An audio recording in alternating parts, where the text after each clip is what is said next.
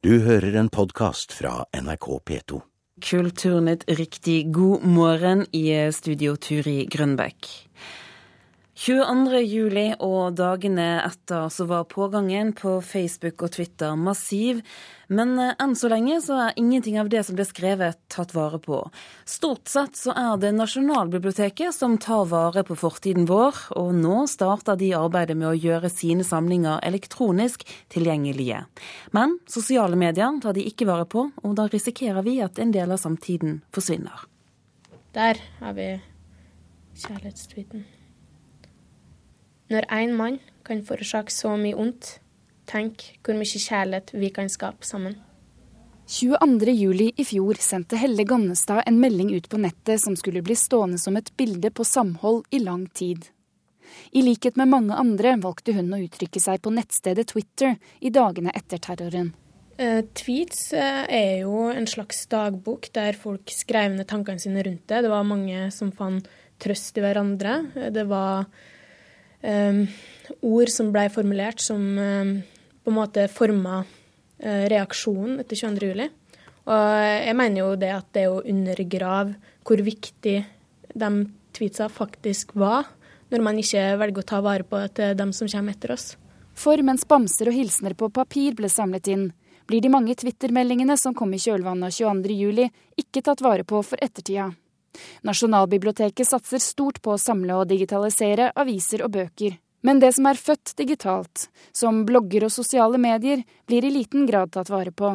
I dag lagrer Nasjonalbiblioteket to blogger. I dag så blir norske nettsteder i begrensa grad bevart for ettertida. Det betyr at i forhold til intensjonene i pliktavleveringsloven om å ta vare på alt som publiseres, for i fremtida å kunne tolke den samtida vi nå befinner oss i, så vil vi få et, eh, et, veldig magert bilde, eller et mye magrere bilde av den samtida enn vi ellers ville ha fått. Det sier Roger Jøsevold, assisterende nasjonalbibliotekar.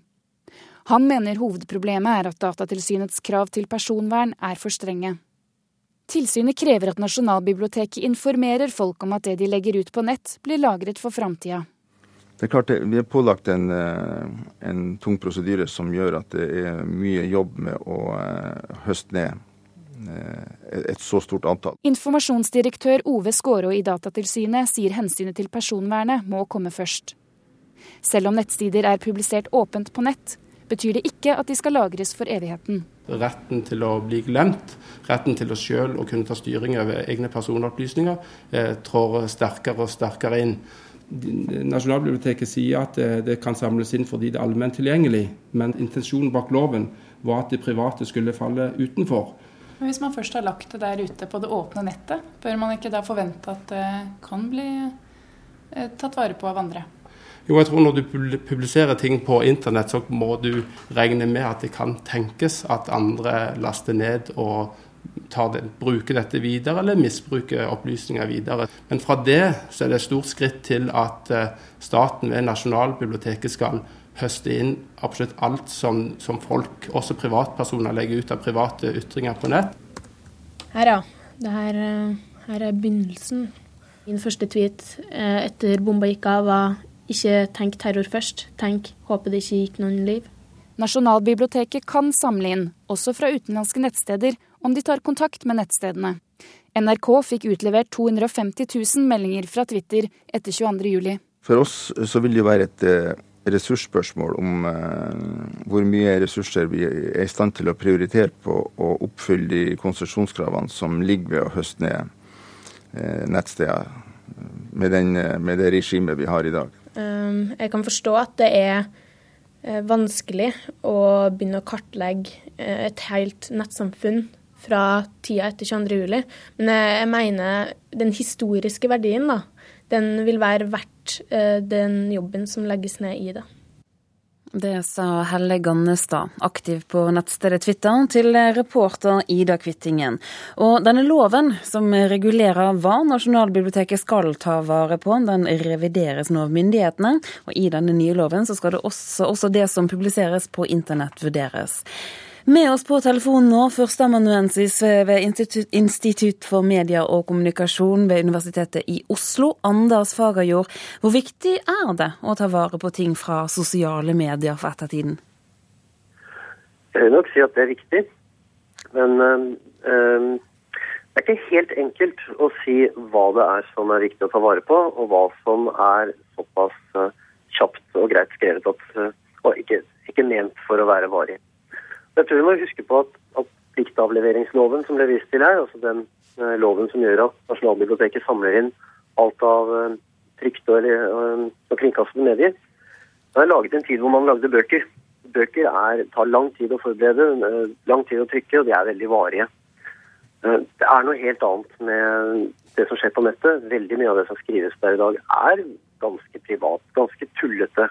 Egentlig ikke noe som noen har lyst til at skal ligge der lenge. og ja, Mange bloggere som ble nevnt her, går jo inn og sletter ti år gamle poster fordi de ikke lenger liker den ti år yngre versjonen av seg selv og det han eller hun skrev.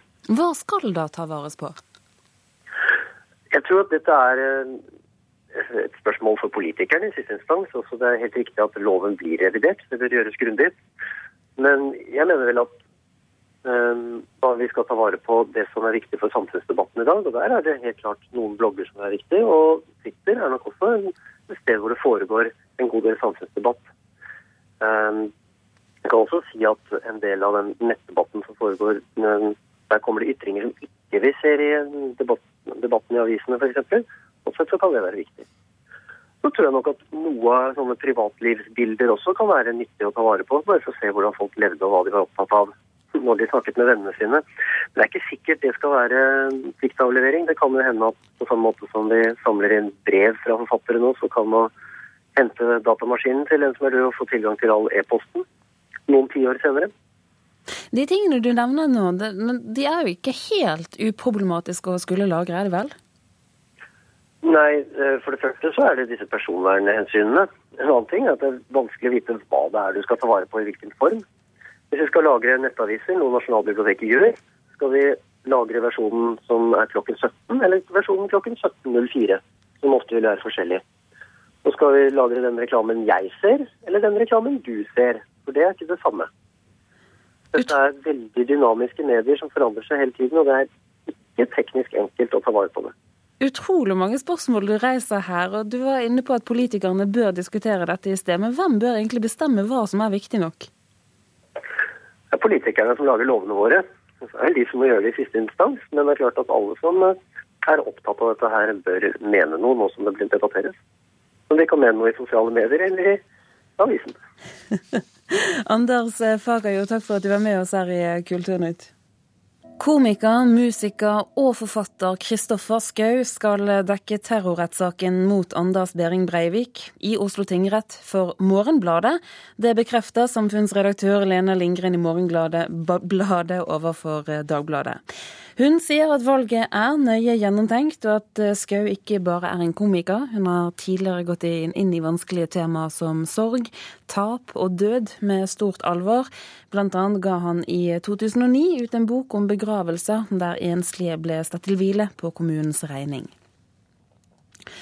Etter 244 år så gir leksikonselskapet Encyklopedia Britannica opp sitt berømte og tunge 32-binds leksikon i papir.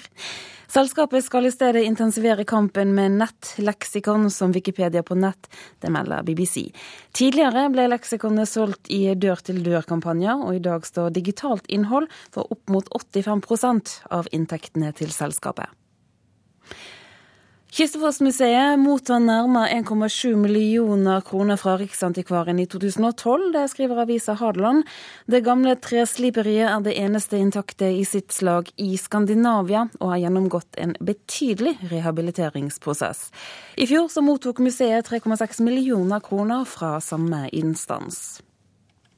En eh, svensk fantasyroman som heter 'Sirkelen', er nå på full fart ut i verden og skal oversettes til over 20 språk. Boken er uhyre spennende, men eh, ikke helt uproblematisk. Det mener vår anmelder Anne Katrine Straume, som synes at selvmord blant ungdom er et ømtålig tema. Det er lenge siden jeg har lest en så uhyggelig ungdomsroman som den svenske 'Sirkelen'. Fantasy, ja visst, men samtidig lagt til vår egen tid, der helt vanlige svenske ungdommer trues av ondskapen. Den har smøget seg inn på den videregående skolen i småbyen Engelsfors. En ung gutt tar sitt eget liv. Så en jente. Men er det selvmord? Han ser blodet piple frem fra håndflaten og dryppe ned på de grå gulvflisene, men han kjenner ingenting. Kroppen har dovnet bort. Bare tankene er igjen. Og stemmen. Livet blir ikke bedre. Like bra å avslutte det nå. Du slipper smerten, du slipper sviket. Det vil uansett aldri bli bedre, Elias. Livet er bare en fornedrende kamp. De døde er de lykkelige. Elias prøver ikke lenger å kjempe imot. Glasskåret skjærer gjennom det lange genserermet og blotter den arrete huden under. Ungdommen er blitt presset av en indre stemme, en stemme de umulig kan stå imot. Onde krefter truer lokalsamfunnet, og aller mest utsatt er seks ungjenter, som ikke kjenner hverandre fra før, men som alle blir kalt til motstand. Jentene er svært forskjellige, her er både mobberen og mobbeofferet. Skal de ha noen mulighet til å overleve, må de stå sammen. Jentene får alle magiske evner, som muligheten til å gjøre seg usynlig, eller evnen til å lese og styre andres tanker. Kan de klare å bruke kreftene i det godes tjeneste, eller faller de for fristelsen til å bruke dem i egen vinnings skyld? Sirkelen er en pirrende kombinasjon av fantasy og samtidsroman. Borte er middelalderlandskapet med ridder og hester som vi kjenner fra Tolkien og Lindgrens fortellinger. Inne er ungdommer med PC og mobiltelefoner og et trøblete tenåringsliv å kjempe seg gjennom. Imponerende nok får hver av de seks hovedpersonene mer å spille på enn bare det å skulle representere det uskyldige, men modige barnet som må oppfylle en eldgammel profeti. De er alle sammen preget av en verden der intriger, utstøting, ensomhet og rusmisbruk er størrelser som fortoner seg som langt verre å hanskes med enn trusler av den overnaturlige sorten. Ungdomsromanen er skrevet av Mats Strandberg, som tidligere har skrevet for voksne, og Sara Elfgren, som er filmmanusforfatter. Det er et samarbeid som må kunne karakteriseres som vellykket. Sirkelen er eh, godt komponert, med mange dramatiske høydepunkter, samtidig som vi altså kommer inn under huden på heltene, som er menneskelige og feilbarlige så det holder. Åpningen av romanen med den ulykkelige Elias som tar sitt eget liv, er svært ubehagelig lesning. Stemmer i hodet kan være virkelig nok, og med den realistiske settingen i boken blir dette sterk kost. Uproblematisk er det ikke å beskrive selvmord, om det er snakk om ødeleggende krefter utenfra aldri så mye. Eventyr fra en ullen fortid, hvor dramatiske de enn måtte være, er lettere å holde fra livet enn ondskapen som kryper helt inn i din og min hverdag her og nå. Sirkelen er den første boken i en trilogi, jeg er ikke i tvil om at mange unge lesere vil vente utålmodig på fortsettelsen. Anne mener altså vår anmelder Anne Katrine Straume om romanen 'Sirkel', som for øvrig er oversatt fra svensk av Gry Brenna. Og så minner vi om at du finner anmeldelsene og flere til på nrk.no. Du har hørt en podkast fra NRK P2.